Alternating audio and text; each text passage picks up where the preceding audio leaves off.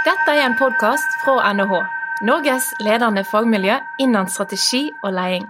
Trenger du mer faglig påfyll? Sjekk ut NHH Executive for våre etter- og videreutdanningstilbud. Hei og velkommen til Lederskap, NHHs podkast om ledelse.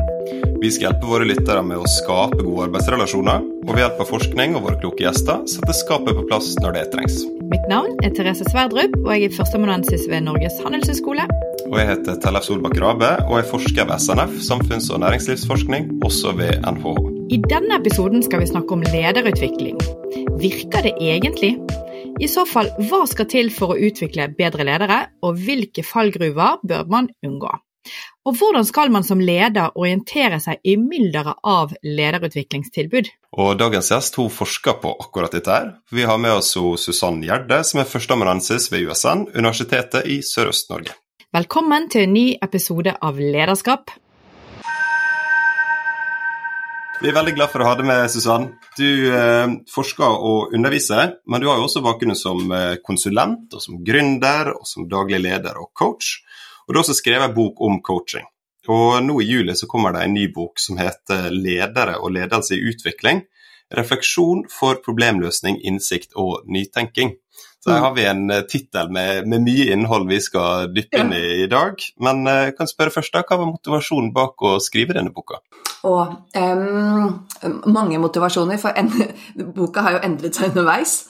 Men jeg begynte på boken for kjempelenge siden, sånn tre-fire år siden eller noe sånt. Um, og, og, da var noe av tanken det at um, veldig mye Veldig mange ledere slet med veldig mange store idealer som de prøvde å etterfylle. Um, for tidligere, som du nevnte, jeg har jo jobbet med coaching også, og jeg har hatt hundrevis av samtaler med, med ledere i forskjellige ledelsesposisjoner ulikt steder i organisasjonene. Og noe av det jeg så, var at veldig mange av de, de sa jeg ønsker å finne en måte å mestre lederrollen på. Um, og så så jeg at veldig mange av dem hadde sånne ideer om hvordan de burde være. Jeg burde være litt mer Jeg er jo ikke en sånn typisk karismatisk person, jeg burde være litt mer sånn og litt slik. Så husker jeg at jeg spurte den gangen, det var før doktorgrad, men må du være det da? Ja, det er jo det litteraturen sier. Det skal være litt mer karismatisk og inspirerende og ha de store vyene og sånn. Så jeg så at det var veldig mange som slet litt da, i forhold til å finne sin plass i forhold til hvem de burde være og hvem de egentlig var, og hvordan kan jeg få til dette og sånn. Så, så, jeg tok jo da fatt på en doktorgrad litt for å finne ut hvor, hvordan kan vi hjelpe disse lederne som står i spagaten mellom alle disse idealene. Og så kom jeg ut i andre enden av min doktorgrad eh, med enda flere spørsmål og enda mindre gode svar. Og så eh, noe av det jeg begynte å skrive boker om, var litt sånn bærekraftig ledelse. For det er ikke helt bærekraftig veldig mange av de idealene vi har, fordi det er idealer. Det er ikke helt sånn det er ikke forankret i en virkelighet, mye av det, men så tror vi at det er forankret i en virkelighet.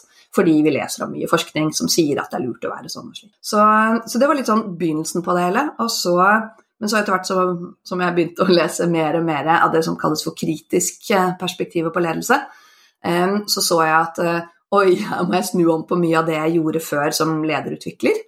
Og jeg skulle ønske jeg hadde visst dette før. Så det var en annen motivasjon. Da. Så først var det liksom for å hjelpe ledere i det som ikke oppfattes som en så bærekraftig rolle, fordi den blir for stor. Eh, og forankret i idealer som ikke fins nødvendigvis, men som er noe å strekke seg mot, men som ikke noen egentlig noen gang når. Eh, og det andre var det alle disse kritiske perspektivene som problematiserte og satte ting på hodet. Um, og, og, det syns jeg var så fascinerende, hvordan disse kritiske snudde om på ting jeg trodde jeg visste hva var, og så visste jeg plutselig ikke hva det var lenger. Og så tenkte jeg hva er det nå? Dette må jeg samle. Så det ble litt en sånn blandingsbok i forhold til det. Så det ble min reise også underveis. Så, og det skriver jeg om innledningsvis også, hvordan jeg selv oppdaget alle de ideene jeg hadde om hvordan ledelse så ut. og så Kanskje det ikke ser sånn ut allikevel. Kanskje det bare er jeg som tror det ser sånn ut. Så det er boka. Mm. Veldig spennende, og vi har jo vært så heldige å få lov å lese boken før den er kommet ut, og det står utrolig mye spennende, Susann, i den boken. Um, og vi, vi, vil jo nå dykke ned litt i sånn Ok, det er mm. vanskelig dette med lederutvikling, sant? Mm. Men, men, for å gripe fatt i det, hvordan skal vi da jobbe med lederutvikling når det ikke er egentlig en quick fix. Det er ikke bare å gå på et todagersseminar. seminar. og det er ikke bare et, en oppskrift som passer for alle. Og, og, vi skal bruke litt tid på dette selvfølgelig i, i episoden og diskutere det, men, men, hva er svaret egentlig da, når, når, det ikke er en quick fix? ja, hva er svaret? Og det, det som hadde vært så fint, da, for det hadde jo vært en quick fix det også, ikke sant? om vi bare kunne få svaret. Så hva skal vi gjøre da? Um, og uh, jeg kan jo sitere mor, nei, moren min, sier datteren min. I går så snakket jeg med henne, og så, um, så sa hun det at mamma, hva, hva, er det du egentlig jobber med? Og så skulle hun forklare til en venninne hva jeg jobbet med, og så sa hun ja, for du jobber jo egentlig med å lære folk å, å lære. Å tenke og tenke. Uh, og jeg tror at noe av det viktigste vi kan gjøre da, i lederutvikling, er jo da å få folk til å reflektere mer over hva det er de tror om ledelse, hva det er de tenker om seg selv, hvordan de tolker sine omgivelser, og bli mer klar over hvor mye vi tolker. Um, og hvor subjektive verdener vi lever i, og hvor mye kompleksitet vi står i. Så uh, jeg tror at veldig mye av clouet Det er ikke en quick fix, men det er i hvert fall et enkelt råd, og det er eh, reflekter mer over refleksjonen din. Eh, reflekter mer over hva du tenker. Det er noe som jeg tror er viktig. Og så kan vi jo snakke vi skal... litt om hvordan vi gjør det. ja. Vi skal grave mye i dette, men jeg må jo si som, som, junior her, da. Jeg har jo aldri vært med på noe lederutviklingsprogram, jeg verken som bidragsyter eller som deltaker. Det har jo dere to i, i veldig stor grad. Så eh, jeg er nysgjerrig på eh, hvordan dette funker i praksis. Altså, Hvis det ikke finnes noe quick fix, hva type verktøy kan man bruke for å bli en bedre leder? Mm. Og, og, det er så nydelig, fordi du sier verktøy. ikke sant? Og i i hele den ideen om verktøy så er det jo litt sånn at det vi skal lære om, skal ha en funksjon, og så skal hjelpe oss til å oppnå noe. Og, så jeg vil bare ta en liten sånn omvei via det, selv om det ikke er en omvei, for det er rett i boka. Eh, og det er at veldig mye ledelseslitteratur, veldig mye av ledelsesteorien, er jo skrevet i form av et sånt verktøyperspektiv. Sånn at gjør sånn, så får du mer motiverte ledere. Eller gjør sånn, så får du mindre turnover. Gjør slik, så blir folk mer fornøyde, de opplever mer velvære, de blir mer inspirert. Og det er litt en sånn verktøytankegang. Og det kan man gjerne kalle for en sånn De kritiske kaller det for en funksjonalistisk forståelse av ledelse. Så det har en funksjon, og det er et verktøy. Men så finnes det veldig mye annen litteratur også, forskning, som ikke er like kjent, men som er veldig viktig. Og det er da den mer fortolkende, som handler mer om hvordan kan jeg forstå ledelse eh, på et nytt vis? Hva slags innsikt kan jeg få hvis jeg ser på ledelse med nye briller? Og da er det ikke verktøy som sådan for å oppnå noe, men det er um, hvordan kan jeg forstå dette annerledes? Sånn som kan jeg bruke en ledelsesteori til å, um, til å forstå uh, som, ja, til å, til å, forstå det jeg tror er ledelse. Forstå at kanskje ikke det er ledelse, kanskje det er ikke, kanskje det er attribusjon, dvs. Si at vi tillegger folk noen egenskaper, eller vi forklarer det som foregår på et annet vis. Um, og så kan man også bruke teorien ikke bare som verktøy, men til å problematisere og til å utfordre det vi tror vi vet hva er. Så litt sånn tilbake til hva slags type verktøy kan vi da bruke. Så vil jeg da si at det er veldig fint å bruke verktøy som i opplæring i ferdigheter, men så er det fint om vi også bruker ledelseslitteraturen til å tolke det vi tror vi vet på nytt. Eh, så litt sånn briller, og så kan man bruke det til sånn som liksom brekkstang, komme oss ut av fengselet, de fengslede tankene, de som vi sitter fast i i forhold til hvordan vi forstår det. Så det var kanskje ikke det svaret du ville ha, men, men, men, det er litt sånn Jeg har vært veldig glad i verktøy selv, og jeg vet at veldig ofte så har Når man har lederutvikling og lederutdanning, så har man lyst på verktøy. Um, så, så, derfor så er det lurt å gi dem verktøy også, folk som går, er på utdanning. Uh, og noen av de viktigste verktøyene kan jo ja, kan vi komme inn på. Ja, men det, Vi er jo i kjernen her nå, nettopp mm. mellom uh, teori og praksis. For, ja. for, boka di er jo uh, ei teoritung bok sant? som ja. bringer fram denne ledelseslitteraturen og går kritisk til verks. Men kanskje vi kan uh, også da begynne å snakke om et viktig skille her nå, som går mellom det som du kaller for implisitte og eksplisitte ledelsesteorier. Ja. hvorfor er disse viktige? Åh, det er moro. Eh, fordi implisitte ledelsesteorier det er disse subjektive ideene vi har om eh, hvordan ledelse ser ut, eller hva ledelse er. Eller hvordan en leder ser ut. Og det er sånne subjektive ideer som vi ikke er klar over at vi har, nesten. De er sånn delvis bevisste. De er ikke helt underbevisste, men de er sånn delvis bevisste. Og Eh, når vi ikke er klar over at vi har dem, så går vi rundt og så tror vi at alle andre deler dem. Vi tenker at det er jo helt innlysende, vi vet hva ledelse er, alle, og vi er alle enige om det. Mens hvis du begynner å få taket på disse implisitte teoriene, da, så skjønner du hvor ulik forståelse vi har av ledelse. Og um, hvis det er greit at jeg nevner en, en av disse eksemplene um, fra boka mi, så har jeg en sånn øvelse som man kan gjøre. Og det er fra Det er noen forskere som har funnet opp den øvelsen, og de har testet den ut. Og um, det de gjør, er at de ber folk om å tegne ledelse. Og idet folk setter seg ned for å tegne ledelse, så er det veldig mange som tegner én leder. Og det er litt festlig, da, fordi i det så ligger hele den ideen om at ledelse, jo, det er hva ett individ gjør. Men ledelse er jo egentlig en innflytelsesprosess, og hvis du skal ha en innflytelsesprosess, så kan du ikke være alene om det, for hvis ikke det er noen som velger å følge, så har du jo ikke da ledelse egentlig oppstått. satt på spissen.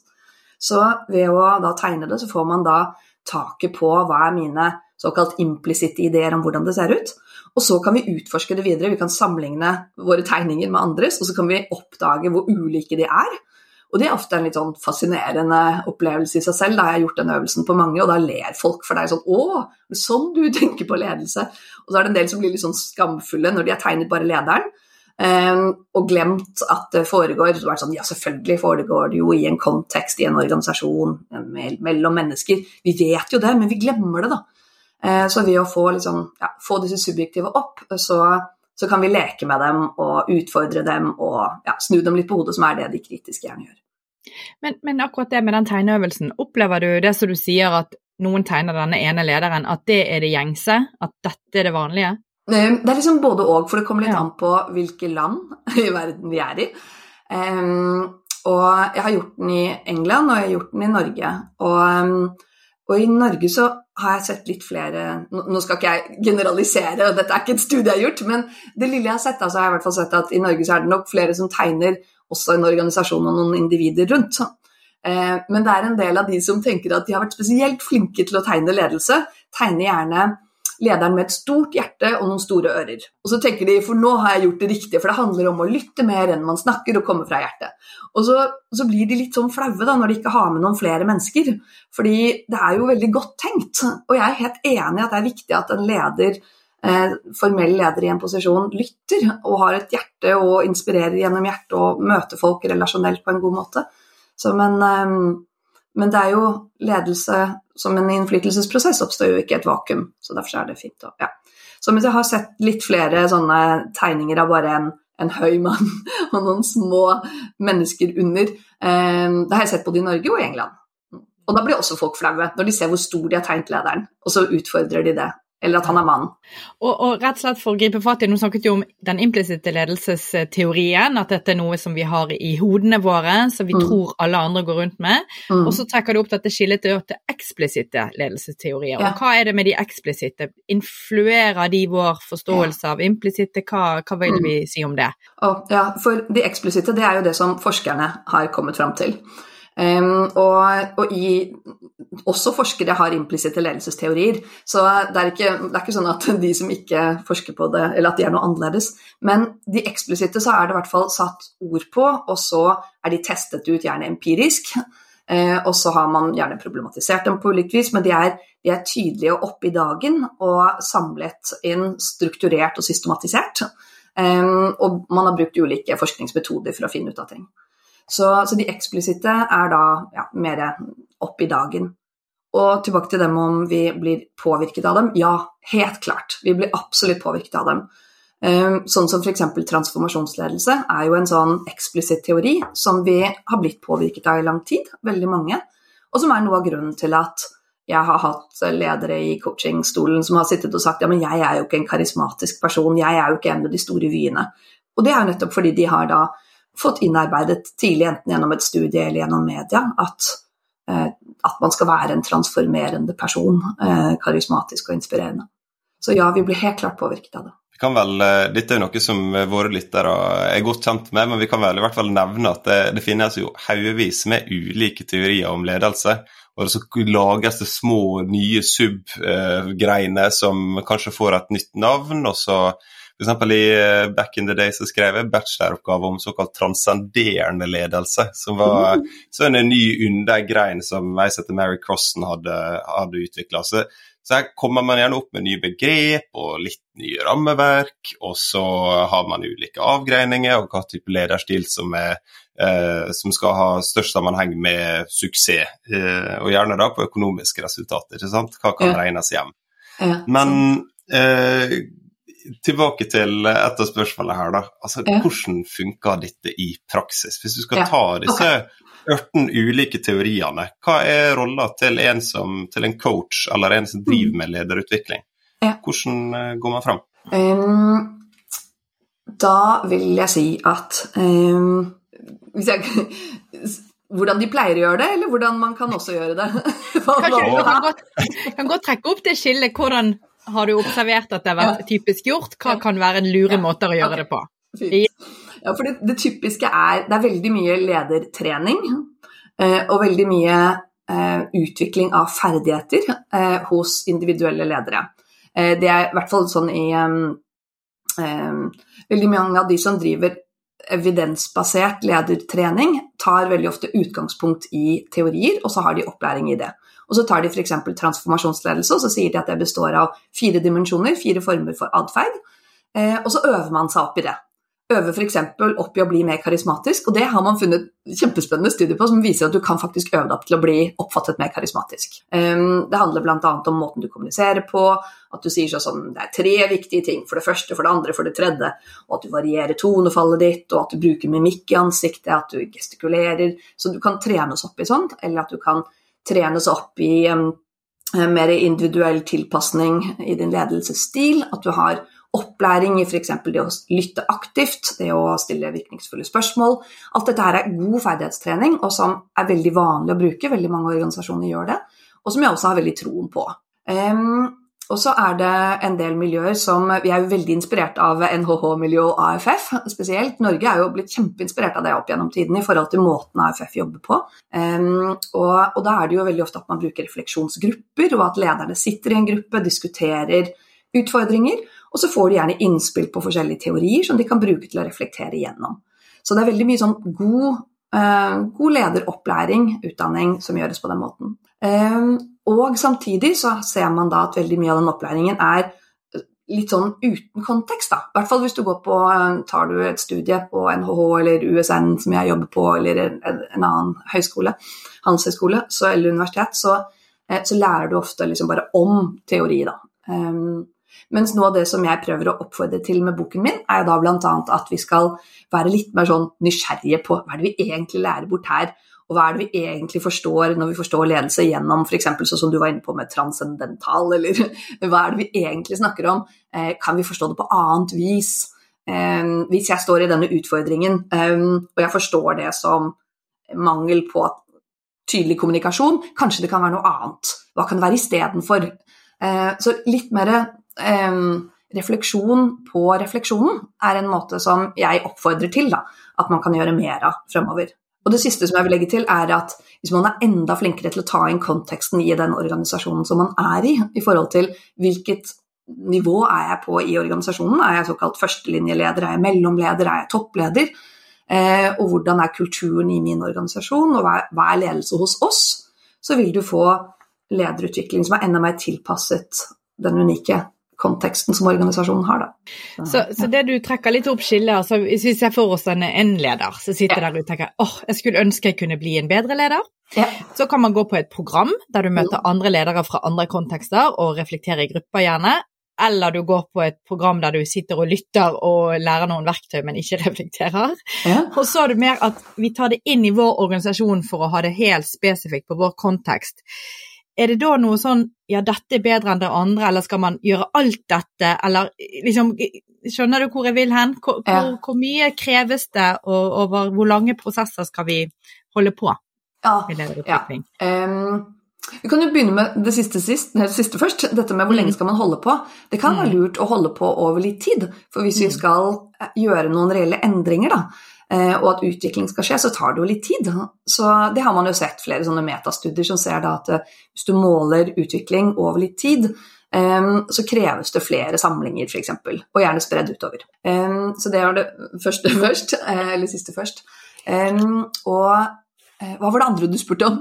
Nei, det var, det, det var å, å, å, La oss si du, du har aldri vært med på lederutvikling, så jeg Ja. opplever jo når du snakker om dette å være reflektert, mer Ja. reflektert, ja det Ja. er jo noe vi alle kan bli. Men vi trenger kanskje litt hjelp Ja, til den refleksjonsprosessen. sant. Er det da en én-til-én-prosess? Har man da nytte av å gå i disse, kall det AFF, altså Solsand-programmet er det sikkert mange som kjenner. Der lærer man kanskje om andres refleksjoner. Altså, Mm. i, I hvilken grad er dette én-til-én-gruppe? Det at man Mm. skal gjøre det bare innad i sin egen organisasjon versus å gå ut av organisasjonen og gå inn på et program. Altså Det er Mm. mange ulike variabler som spiller inn da.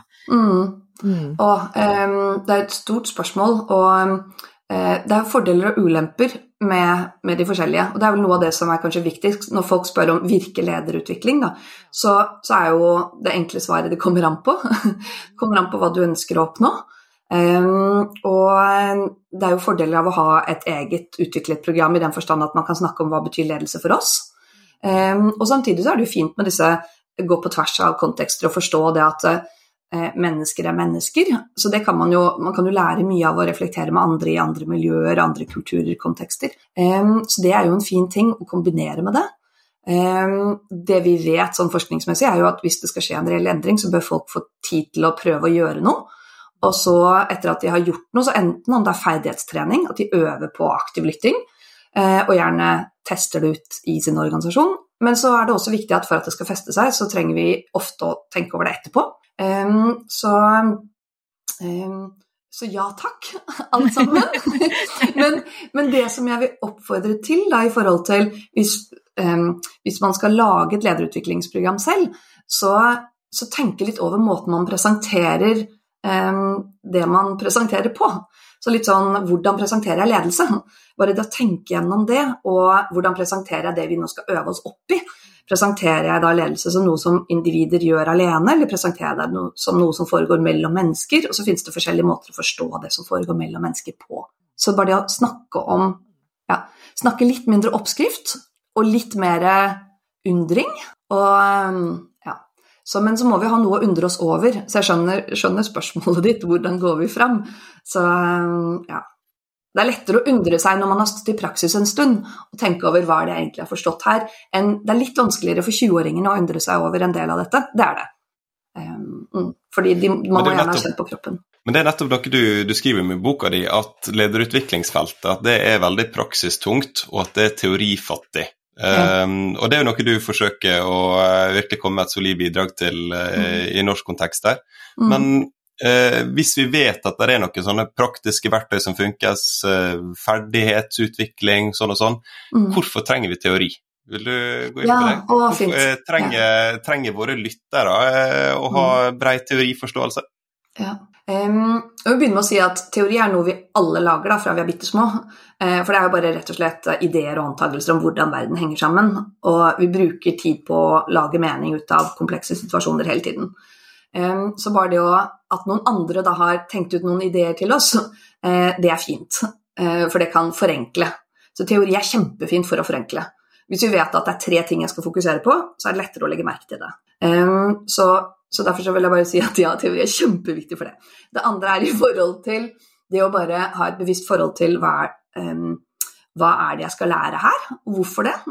Hvis jeg, lærer, hvis jeg får da beskjed om at det er viktig å lytte, fordi at når jeg lytter, så føler folk seg tatt med på råds. Så det er lettere for folk å si ok, men da skal jeg gjøre det. Eh, Voksne mennesker er jo veldig glad i å vite hvorfor vi gjør ting. Vi vil gjerne liksom, vil ikke bare bli ledet av gårde, vi vil vite hva er det dere skal med oss, hvorfor det. Eh, Så teori er fint sånn, i forhold til å få en litt sånn forutsigbarhet i forhold til hva man skal begi seg ut på. Og så er det jo noen kloke mennesker da, som har forenklet den komplekse virkeligheten vår. Gitt oss noen måter å forstå noe veldig stort og vanskelig på på en enkel måte. Så derfor er teori viktig. Og samtidig så skal man være klar over at det er bare teori. Selv om forskerne, selv om det er 100 millioner mennesker som har svart på noen spørreskjemaer, og man har funnet ut at det er noen sammenhenger, ja, men de har bare testa en teori. Og det, det er massevis av feil og mangler med det. Så ser vil både at folk skal bruke det, og så vil jeg at de skal hoppe på det, og leke med det, og snu på det, og ja, ikke ha så respekt for det. Men eh, ja, jeg, jeg kan jo si at jeg er forferdelig glad i teori sjøl, altså. Ja. Jeg hadde ikke hatt disse jobbene hvis ikke. Men, eh, men eh, et skille her nå, hvis vi snakker om eh, teorier rundt ledelse, så finnes Ja. det ulike teorier om ledelse, og så finnes det teorier om lederutvikling. Vil Ja. du eh, fortelle litt om, om skillet her? Det kan jeg si. For sånn som du var inne på dette med at det har vært, det er, lederutvikling er jo et felt som vært veldig sånn praksistungt og teorifattig, som du sa innledningsvis. Og eh, noe av grunnen til det er at eh, pra i praksis har vi bare villet lære opp folk og eh, få dem til å forstå hva det er vi mener er viktig, og så trene. Og så eh, har lederutviklingsfeltet har ligget litt sånn i skyggen av av ledelsesfeltet. Og ledelsesfeltet forsker da på ledelse fra ulike vinkler. Og så har lederutvikling vært litt sånn ja, vi bare venter på den, den optimale, den beste teorien om ledelse, og så skal vi rulle den ut, for da, da blir det god ledelse. Men så har man jo skjønt da etter hvert at ledelse er så komplekst, eller mangefasettert, og det er jo så mye subjektiv tolkning at du vil aldri få en sånn optimal teori som du kan rulle ut. Så Derfor så har da 2001 og 2014 eh, så var det bl.a. en kar som heter Day som var veldig opptatt av at nå må vi slutte å bare vente på at den perfekte teorien skal rulles ut. Eh, fordi den fins jo ikke. Så vi må fokusere mer på hva er læring, hva er utvikling, hvordan voksne mennesker lærer og utvikler seg i ulike formelle posisjoner. Så Derfor så endret feltet seg litt, og så har det tatt seg opp veldig eh, i forhold til det. Så um, jo, og så Derfor så er det egne så Ledelsesfeltet er jo i hvert fall 100 år gammelt forskningsmessig. Mens lederutviklingsfeltet forskningsmessig, det er mer sånn 20 år gammelt, bare. Så man har selvfølgelig forsket på det tidligere, men det er først de siste 20 årene at man har fått mer sånn teori på hva vi egentlig utvikler. Hvorfor utvikler folk seg sånn som de gjør. Så, mm. Det er veldig spennende. Og det er jo Jeg, jeg tenker jo det at å vente på den ultimate ledelsesteorien, det, det sier seg sjøl, for det, Ja. det går ikke. Endringer skjer hele tiden i måten vi oppfatter ledelse på, og problemstillinger vi står overfor osv. Og så ser det ut som det går an å komme litt om rundt om dette gjennom det som du sier med å innføre f.eks. begrepet det med refleksivitet. Altså hvis ledere kan være mer refleksive. Og du bruker litt tid i boken på å, å gå litt inn i det begrepet, så kan ikke du hjelpe oss eh, og lytterne med å forstå hvorfor er refleksivitet viktig, og hvordan legger man til rette for refleksivitet? Um er, eh, bruker, I boken så bruker jeg både refleksivitet og kritisk refleksjon litt som synonymer. Og, og det er både litt riktig og litt galt. Men, eh, så, men um, i forhold til, De som kan tysk, da, har jo lært om refleksive verb. Jeg kan ikke tysk, men jeg vet at det handler noe om at verbet går tilbake på den som gjør det. Så reflek, i refleksiv så ligger det jo nettopp at det er noe som speiler tilbake på en. Og det man gjør når man går refleksivt til verks i forhold til sine refleksjoner, er at man eh, oppdager seg selv i refleksjonen man har. Um, og det vil da si at det er en form for refleksjon på refleksjonen. Og så er det noen som har sagt er det da det samme som en metarefleksjon? Og det kan man godt si, men hvis man går enda mer sånn konkret til verks, så handler det bl.a. om å oppdage um, hvilke begrep er det jeg bruker når jeg prøver å forstå det som jeg står overfor. Så hvis jeg f.eks. Ta sånn som tegningen. Hvis jeg tegner ledelse, og jeg tegner da en en stor mann og noen mindre mennesker, damer og menn om hverandre inni der, og så ikke noe mer. Så kan jeg, hvis jeg går refleksivt til verk, så kan jeg tenke over hvorfor tegnet jeg den mannen så stor, um, og, så, og hvorfor var de andre så små. Og så kan jeg tenke videre, hvis jeg må ha en stor mann for at noen andre, eller hvis noen andre må være små for at jeg skal ha en stor leder, hva sier det om innflytelsesprosessen? Er jeg enig med meg selv? Er det sånn det foregår? Er det sånn jeg vil at det skal foregå? Eh, og så kan jeg tenke videre, er det sånn at eh, hvis jeg tegner en mann som leder, hva gjør det med min forståelse av en, eh, en liten svart kvinne på 30 år? Oppfatter jeg henne som en leder? Eh, hvorfor ikke?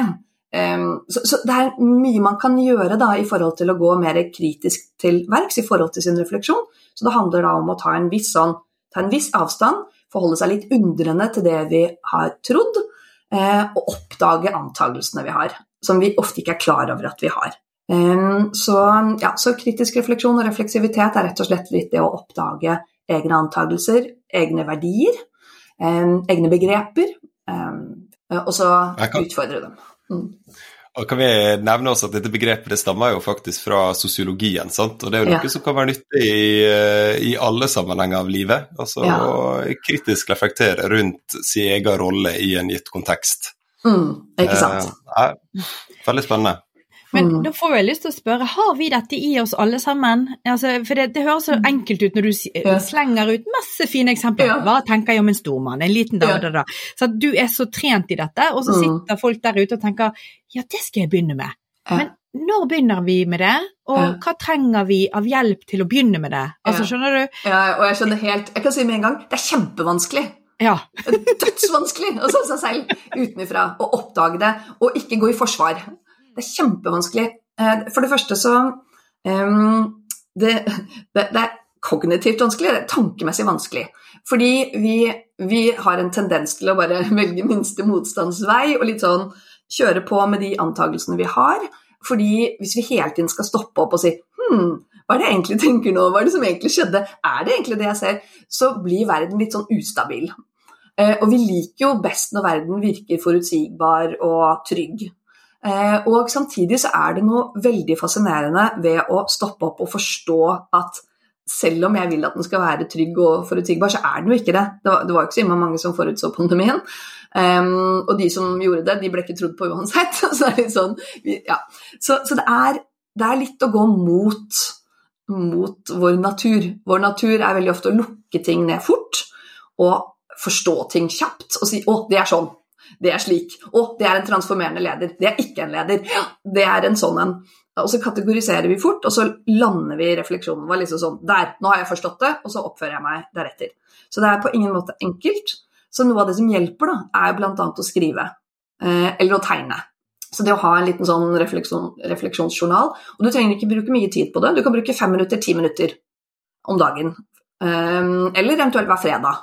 Det, finn et tidspunkt på døgnet som det passer for deg, og så bare skrive fort. Og så etterpå se på hva det er skrevet nå. Hvorfor skrev jeg det? Hvorfor oppdaget jeg det på den måten? Og så er det jo litt sånn emosjonelt vanskelig også, fordi hvis vi har investert mye i vår forståelse, så er det ubehagelig å innrømme at jeg tok feil. Så, um, ja, så i boka så tar jeg bl.a. og refererer til um, um, han Adam Grant har skrevet en bok som heter Think Again, er det vel?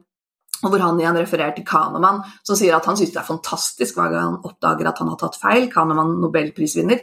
For han sier at jeg har ikke tatt mer feil nå enn tidligere, for jeg hadde jo feil tidligere, men nå vet jeg at det tok feil, og da kan jeg gjøre noe med det. Og det er jo noe befriende i det. Så, Mm. ja. så det, er, nei, det, er, det er ikke lett. Det er vanskelig, og vi kan øve på det. Og vi blir bedre, og vi blir bedre sammen.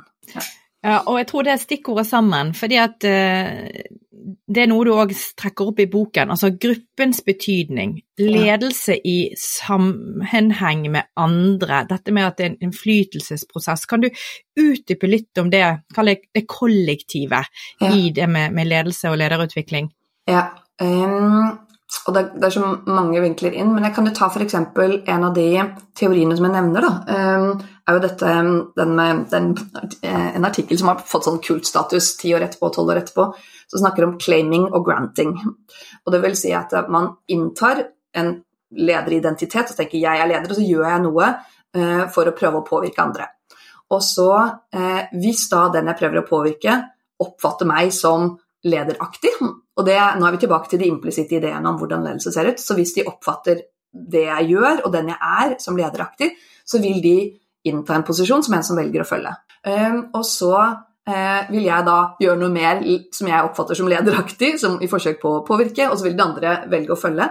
Og det som skjer over tid, er jo da at hvis man er i en kultur hvor min oppførsel og min måte å være på, og fælt å si det, men også hvordan jeg ser ut, hvordan jeg kler meg, hvordan jeg snakker, hvilken bakgrunn jeg har faglig sett, så vil da flere i miljøet være med å bekrefte at ja, du er en leder hos oss.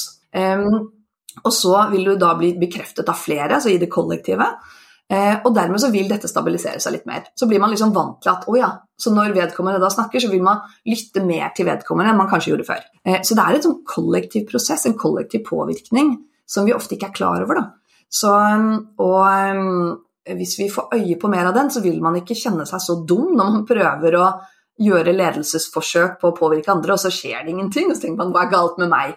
Så det er ikke sikkert det er noe, er noe galt Mest sannsynlig er det ikke noe galt med deg i det hele tatt. Det kan hende at uh, måten du gjør ting på, ikke oppfattes som ledelse i den organisasjonen og den konteksten du er i. Eller at det du kommer med, eller måten du kommer med det på, oppfattes som lite lederaktig i den konteksten, i den kulturen. For det, ja, det, det er ganske forskjellig. Mm. Så det er et sånn kollektivt prosjekt. Ja.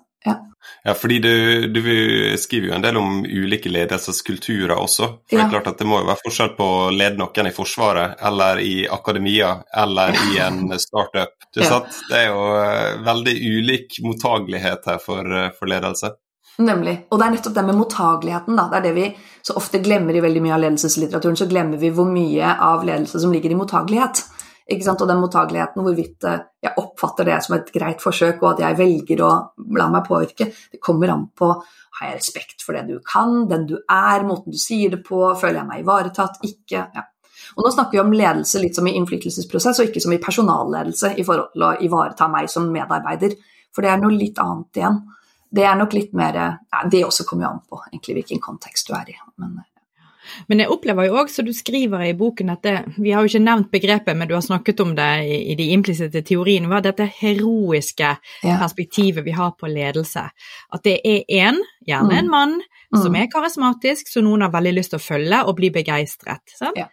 Og vi er vel alle enige om at vi er litt på vei vekk fra det. Altså Ja. litt sånn, eh, Har man begynt å lese om ledelse, så ser man nei, nei, nei, vi kan ikke holde på sånn i, i, i 2022. Mm. Eh, vi har eh, medarbeidere som er eh, veldig kompetente, som har lyst til å lede seg selv. Mm. Og det vi egentlig snakker om, det er en leder som skal tilrettelegge Mm. eh, og, og, og fronte sine medarbeidere. Mm. Så, så hvis du tenker sånn metaforisk, da, denne lederen krymper og krymper og krymper i størrelse. fordi at den skal nærmest ikke synes lenger, for det er ikke moderne lenger. Altså, jeg vet ikke om du òg observerer på en Mm, måte mm. denne utviklingen. Og hva vil det gjøre med statusen til Mm. ledere? Mm. Eh, det er noen refleksjoner jeg har gjort meg. Mm. Er det da gjevt å være leder hvis du bare skal være i bakgrunnen og, og være en tjenende leder som skal tilrettelegge? Nei, ikke sant. Um, det, det er jo ikke nødvendigvis det. Uh, og um, den norske, eller den skandinaviske kulturen, men spesielt den norske, er jo veldig sånn flat hierarkisk. Vi er ikke så glad i disse store hierarkiene, vi har det ganske sånn lineært og flatt. Eh, så, så ja, um, og veldig mye av det sånn tjenende ledelse, som jeg vet blant annet du forsker på, er jo da eh, mye Det passer mye bedre inn i vår kultur, uten tvil. Um, og Tårnet, det når jeg tenkte på da du sa det, skal vi se, hva var det da? Jo, det at den krymper. Man har sett, Det er noen studier som har sett at eh, de som er mest glad i de heroiske ledelsesteoriene, som er litt sånn de karismatiske lederen skal gjøre og vise vei og sånn, det, det er en samvariasjon mellom det og folk som scorer høyt på narsissisme. Mm. Eh, så, så jo høyere du scorer på narsissisme, jo mer vil du høre om disse grandiose ledelsesteoriene og 'jeg er viktig'. Em, så det å gå på kurs og få beskjed om at du er litt mindre viktig, det er en del som ikke er så glad i det, da. Em, ja. så, så det er det ene jeg vil si. Og, og så selv om jeg er helt enig at det er en endring, så er det tjenende lederskap er noe som passer bedre i vår norske kultur enn det gjør i den amerikanske kulturen. Og hvis man tenker over under pandemien, så var det veldig mye som ble veldig sånn hierarkisk Eller sånn, hva skal jeg si um, At man vil ha en sterk person som viser vei. Og det er liksom greit å være klar over at vi mennesker, når ting blir usikkert, så søker vi lettere etter enkle sannheter, da. Så bare det å være klar over at vi gjør det litt sånn ja, ubevisst, kan være greit, sånn at vi kan stoppe opp og si å, nå søker jeg plutselig etter en trygghet her, men kanskje jeg heller skal prøve å finne den tryggheten i meg selv, istedenfor å søke etter noen som har absolutte sannheter, fordi det er, det, er svært, det er ikke så mange ting som har absolutte sannheter, egentlig, hvis vi tenker oss ordentlig etter. Så, ja. så, så jeg er enig med deg i at ja, det er en endring, og den treffer spesielt godt i den norske kulturen. Og jeg vet også at, og det, jeg gjør et studie nå hvor jeg bl.a. snakker med folk som jobber med lederutvikling, og en del av disse sier at um, lederne som skal på kurs internt, de vil bli wowet.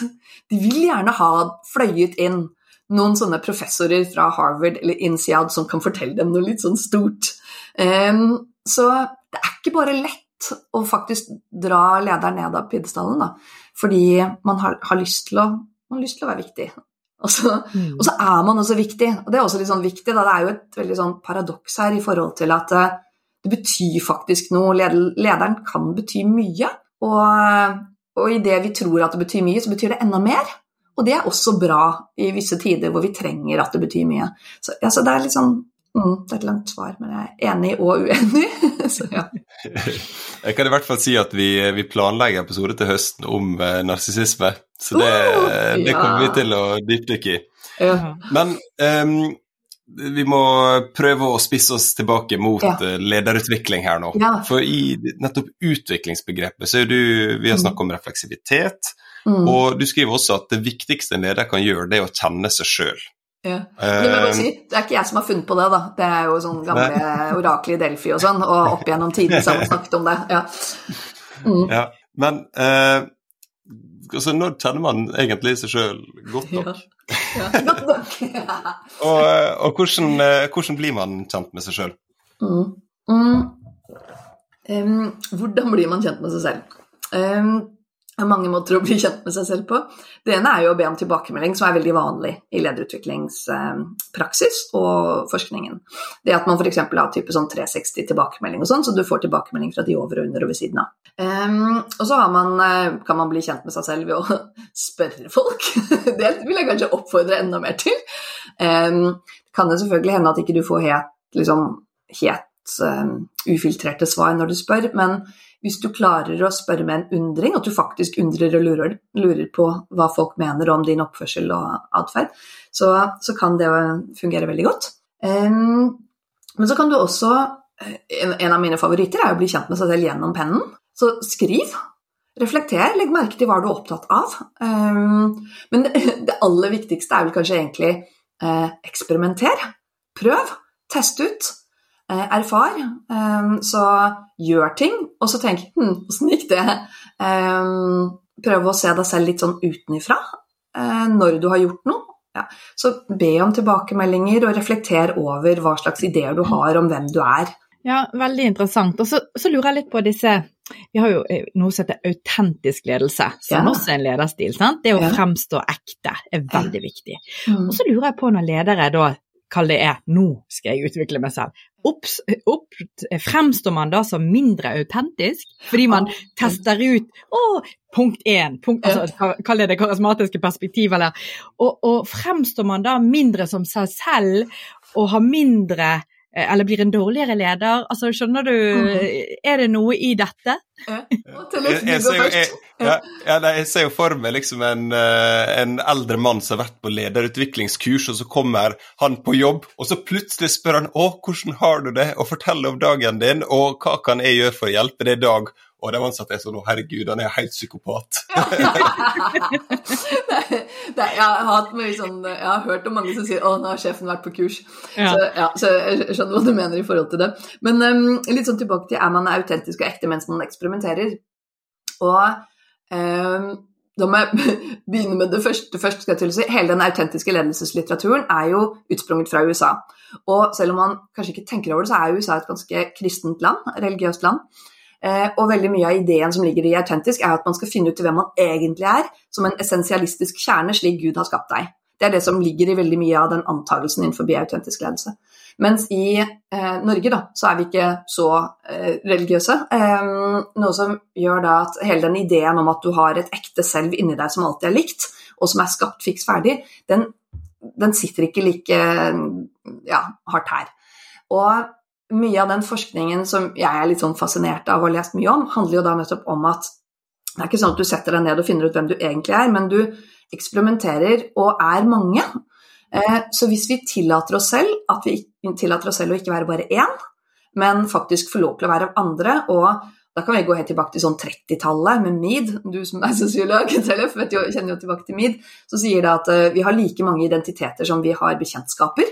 Eh, Så, så litt tilbake til hva er ekte og hva er ikke ekte. Jeg tror at Um, en del av det å være ekte, hele den ideen om å være ekte, ligger i den ideen om at ekte er å være konsistent. Og det er det egentlig ikke så mange som er, bortsett fra de som faktisk er innmari rigide, og de er det ofte litt vanskelig å være med. Som alltid er like uansett situasjon. Så, ja, så litt sånn tilbake til um, Ja, når du har vært på kurs og tester ut, så oppfattes du nok som litt rar mens du eksperimenterer. En fin måte å stå i det på er jo å si Du, jeg har vært på kurs. Jeg skal øve. Og Disclaimer. jeg, ja, og jeg er kanskje ikke så flink nå med en gang, men eh, jeg har lyst til å prøve. Mm. Det kan gi deg litt mer sånn eh, handlingsrom da, i forhold til å eksperimentere. Og det andre som jeg vil si, er jo da å være litt grei med deg selv og si det at ja, så tester jeg ut det òg, da. Og så finner jeg noe som treffer. Så ja. Mm. Så Og så hva er det som er å være ekte? I den litteraturen så sier man jo også at eh, at det å være ekte er å alltid være, handle i tråd med verdiene sine. Jeg har jo gjort studier på verdier, de færreste vet hva verdiene deres egentlig er. Og når de begynner å følge med på hva, hva slags verdier de lever etter, ikke hva de sier, at, og det er gjerne det de har lært hjemmefra, det er hva man sier, men det man faktisk lever etter, det er veldig ofte noe annet igjen, og så er det ofte inkonsistent. Så, ja, så det er ikke så lett det der med ekte, altså. Så, ja.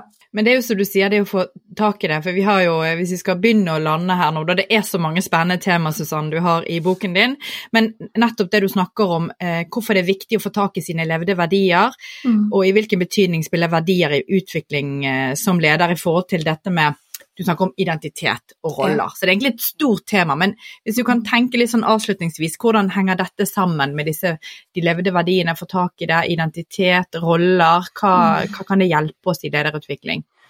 Um, ja, å, det, det, er vanskelig å svare kort. Det har jeg skrevet doktorgrad om. ja. Så skal jeg si det på to setninger. Ja. Ta Twitter-versjonen. Ja, Twitter bruk, ja. bruk ti Ja. Ja, jeg kan si om rolle. Hvis vi begynner med rolle først, så, så, er det mange måter å forstå rolle på. Og hvis vi tenker på rolle som eh, funksjon, så oppgaver som jeg skal gjøre.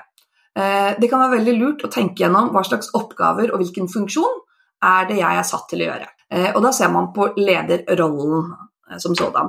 Og det å tenke gjennom hvorfor er jeg her, hvilken funksjon skal jeg spille, hva slags oppgaver har jeg fått i oppgave å gjøre, og tenke gjennom Kanskje ikke alle disse oppgavene er like logisk, og kanskje ikke jeg trenger å gjøre alle oppgavene. For hvis jeg tenker gjennom hva som er min funksjon, så kan det hende at jeg kanskje kan løse det på andre måter. Så det er én måte man kan bli klokere i forhold til rollen på. En annen måte som er litt sånn fascinerende eh, i forhold til dette med, med rolle, er jo hele rollelitteraturen. Eh, begrepet kommer fra teater. Ikke sant? Og i rolle, og Goffman bl.a., kjenner jo Tellef godt som mm. sosiolog. Um, og i rollelitteraturen sånn opprinnelig så var det jo snakk om at rolle er noe som er et skript. Så en, hvis du sammenligner det med teater, så lærer du deg måter å stå på og gå på som gjør at når du oppfører deg på den måten, så vil folk kjenne deg igjen som f.eks. en leder. og hvis vi er klar over at rollen den finnes i organisasjonen, litt i forhold til at vi har noen felles oppfatninger om hvordan en leder oppfører seg. Bare å være bevisst det, så kan man lettere klare å utfordre de de eh, ideene om hvordan det skal se ut. Eh, hvis vi ikke er klar over det, så vil vi bare begynne å oppføre oss som om det er sant, og som om vi må oppføre oss deretter. Så det å bare være klar over da, at det finnes noen sånne skript eller noen sånne oppskrifter og måter å snakke på, måter å te seg på. Og veldig mange har sikkert oppdaget at idet de går fra å være en, fagperson til å innta en sånn formell lederposisjon, eller rolle, så er det en del som plutselig så tar de på seg slips. Eh, eller plutselig så klipper de håret. Eh, eller så får de kanskje skjørt. Eller så får de kanskje noen høyere hæler. Eller så sminker de seg kanskje mer. Så, det er noen sånne greier, og det handler jo veldig mye om litt sånn teaterkostymeaktig, at jeg trer inn i rollen. Og noe av grunnen til at vi gjør det, er jo fordi hvis vi trer inn i rollen på et sånt vis, så vil vi fort oppleve å få innflytelse kjappere fordi folk kjenner oss igjen som ledere. Så, så det hjelper oss og samtidig så kan vi være klar over at det er lov å utfordre en del av disse stereotype ideene om hvordan det skal se ut. ikke sant? Men for å utfordre det, så hjelper det å sette ord på det og språkliggjøre det. Så Det er litt det som er litt sånn spennende i forhold til rolle. da Du kan faktisk eh, Et av de studiene som jeg gjorde under eh, doktorgraden min, var jo da bl.a. å se hva gjør erfarne ledere når de bytter posisjon, får en ny formell leder. Eh, posisjon. Og da, det jeg så, var at det de gjør, var at de begynte å snakke med folk, og så gjorde de en sånn rolleavklaring i forhold til at ja, forgjengeren pleide å gjøre sånn, jeg kommer til å fokusere på slik. Um, og, og, de gjorde mer sånn bevisste sånn, grep for å utfordre forventninger og antakelser. Og så satte de ord på en del og samlet inn til allmannamøte og sa at jeg kommer til å fokusere på sånn og slik. Så det er en måte å tenke i rolle på, bare det å være klar over at uh, vi har masse ideer om hva rollen er. Um, ja. Så se på den som funksjon, og se på den som sånn teater, og utfordre den.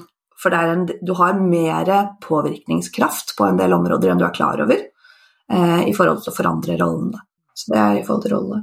Um, jeg syns det var veldig godt beskrevet på ganske kort tid. Ja, det var bare rolle, da. Det, det var bare rolle. Ja, for det at hva med identitet? Henger dette sammen? Er identitet noe annet, eller ja. Men det kan jeg si veldig kort, for det er en del som blander det. Ja. Eh, for rolle er gjerne ytre forventninger. mm. mens identitet, da har du internalisert det. Ikke sant? Så det er noen indre ideer du har om hvem du er. Ja. Eh, og de spiller ofte sammen med rollen, men det er to forskjellige ting, for rolle er utenfor, og identitet er inni. Og disse verdiene, da. Levde verdiene. Tar man, Ja. Blir man tryggere på sin egen identitet hvis man har fått tak i disse verdiene og spiller disse ut i rollene? Er det sånn det henger sammen, eller? Ja, eh, ja, da har jeg gjort et studie også. Jeg nevner litt om hvordan du kan få tak i de verdiene i boken. Eh, og jeg har gjort studie på det selv, hvor jeg da har fulgt ledere som har da fått kartlagt, eller jobbet sammen med en coach med å kartlegge verdier, men det kan du også gjøre alene. Jeg beskriver da en sånn øvelse for hvordan du kan gjøre det i boken. Eh, fordi det folk vet hvorfor, og hva, hvorfor de gjør som de gjør, eller hva som er driverne deres, hva som er idealene deres, for en verdi er jo da et ideal for atferd eller tilstand. Eh, og idet man vet hvorfor eh, man gjør som man gjør, sånn ha et språk på det, så står man litt tryggere i en del avgjørelser. Så, og det som ofte skjer, er jo at man, man forklarer i ettertid da, hvorfor man gjorde det. Men det hjelper, da. Og det er jo et av studiene jeg står på, så var det jo blant annet noen som sa det at jeg sover bedre om natten, og jeg vet hvorfor jeg har gjort det. Uh, det som jeg har gjort, For jeg har ikke kontroll på utfallet, uh, konsekvensen av hva jeg gjør, og avgjørelsen jeg tar. Men hvis jeg har en idé om hvorfor dette var viktig, så er det lettere å stå i.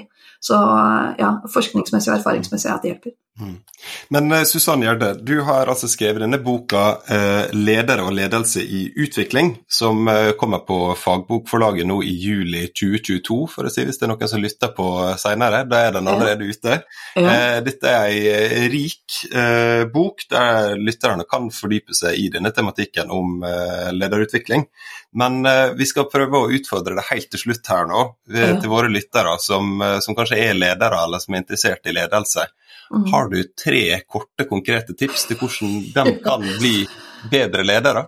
Jeg ler da, for at jeg har korte, konkrete. Mm, For dette har jeg tenkt på. Og så har jeg tenkt hva kan jeg gjøre? Um, og da har jeg kommet fram til noe som er det er, det er kort og konkret, men det er vanskelig. Uh, og det er prøve å bli mer nysgjerrig på hva foregår i meg, og hva foregår i systemet, når jeg prøver å utøve innflytelse. Og i det så ligger det rett og slett det å For hvis du prøver å utøve innflytelse, så kommer du til å oppleve at det enten ikke treffer, og noen ganger treffer det veldig, men når det ikke treffer og du får motstand, bare tenk hm, hva skjer i meg nå? Eh, hvorfor det? Blir jeg trigget? Ja. Eh, og vær litt sånn nysgjerrig på hva foregår i systemet, så du får øye på mer. Ikke sant? Så, ja. så det er den første, vær nysgjerrig. Eh, og relatert til den, eh, tenk gjennom hva står på spill hos de jeg prøver å utfordre, eh, det jeg prøver å påvirke. Så hva er det de eventuelt kan miste dersom vi gjør denne endringen? For veldig mye av ledelseslitteraturen og lederutviklingsopplæringen gir jo inntrykk av at hvis du bare kommuniserer tydelig og eh, er karismatisk, så, så vil all transformasjon gå som fot i hose. Men, men det vil det ikke. Så det er ikke nødvendigvis det er noe gærent med deg. Så hva står på spill? Kan det hende at folk er i ferd med å miste noe, sånn som eh, kompetanse, komfort, eh, rykte, tid, penger, kontroll, makt, status, ressurser, ja, autonomi ja. Så det er det andre. Hva står på spill? Og det siste som jeg vil si, var eksperimenter mer. Liksom, så test ut flere ting. Eh, Tillat deg selv å være mange. Ikke tenk at jeg er bare én. For, for er, vi er jo ikke bare én. Vi, er, vi vet alle at vi er mange, men det er også lov, som i lederrollen, å være mange. Det er en fin ting. Det handler om å være fleksibel. Okay? Så det er de tre. Så vær nysgjerrig, spør hva står på spill, og eksperimenter mer. Det er vel egentlig de tre gode rådene. Tusen takk, Susann. Og vi startet med å spørre virker lederutvikling. Og hva sier du, Susann? Virker det? Det kommer an på! Men det tror vi tror vi har klart å avdekke her i dag, er at det kan man få til, men det er krevende, og det krever tid. Ja. Og jeg tror også dette med, med kalle coaching, eller å, å delta i noe der man kan reflektere sammen med andre, er, er litt av nøkkelen. Ja. Så tusen hjertelig takk for at du stilte opp, Susann, og lykke til med bokutgivelse. Tusen takk! Tusen takk for at du var her.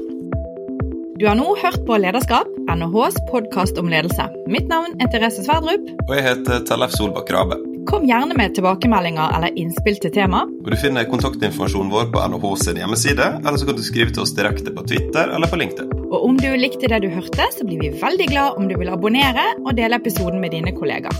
Vi høres!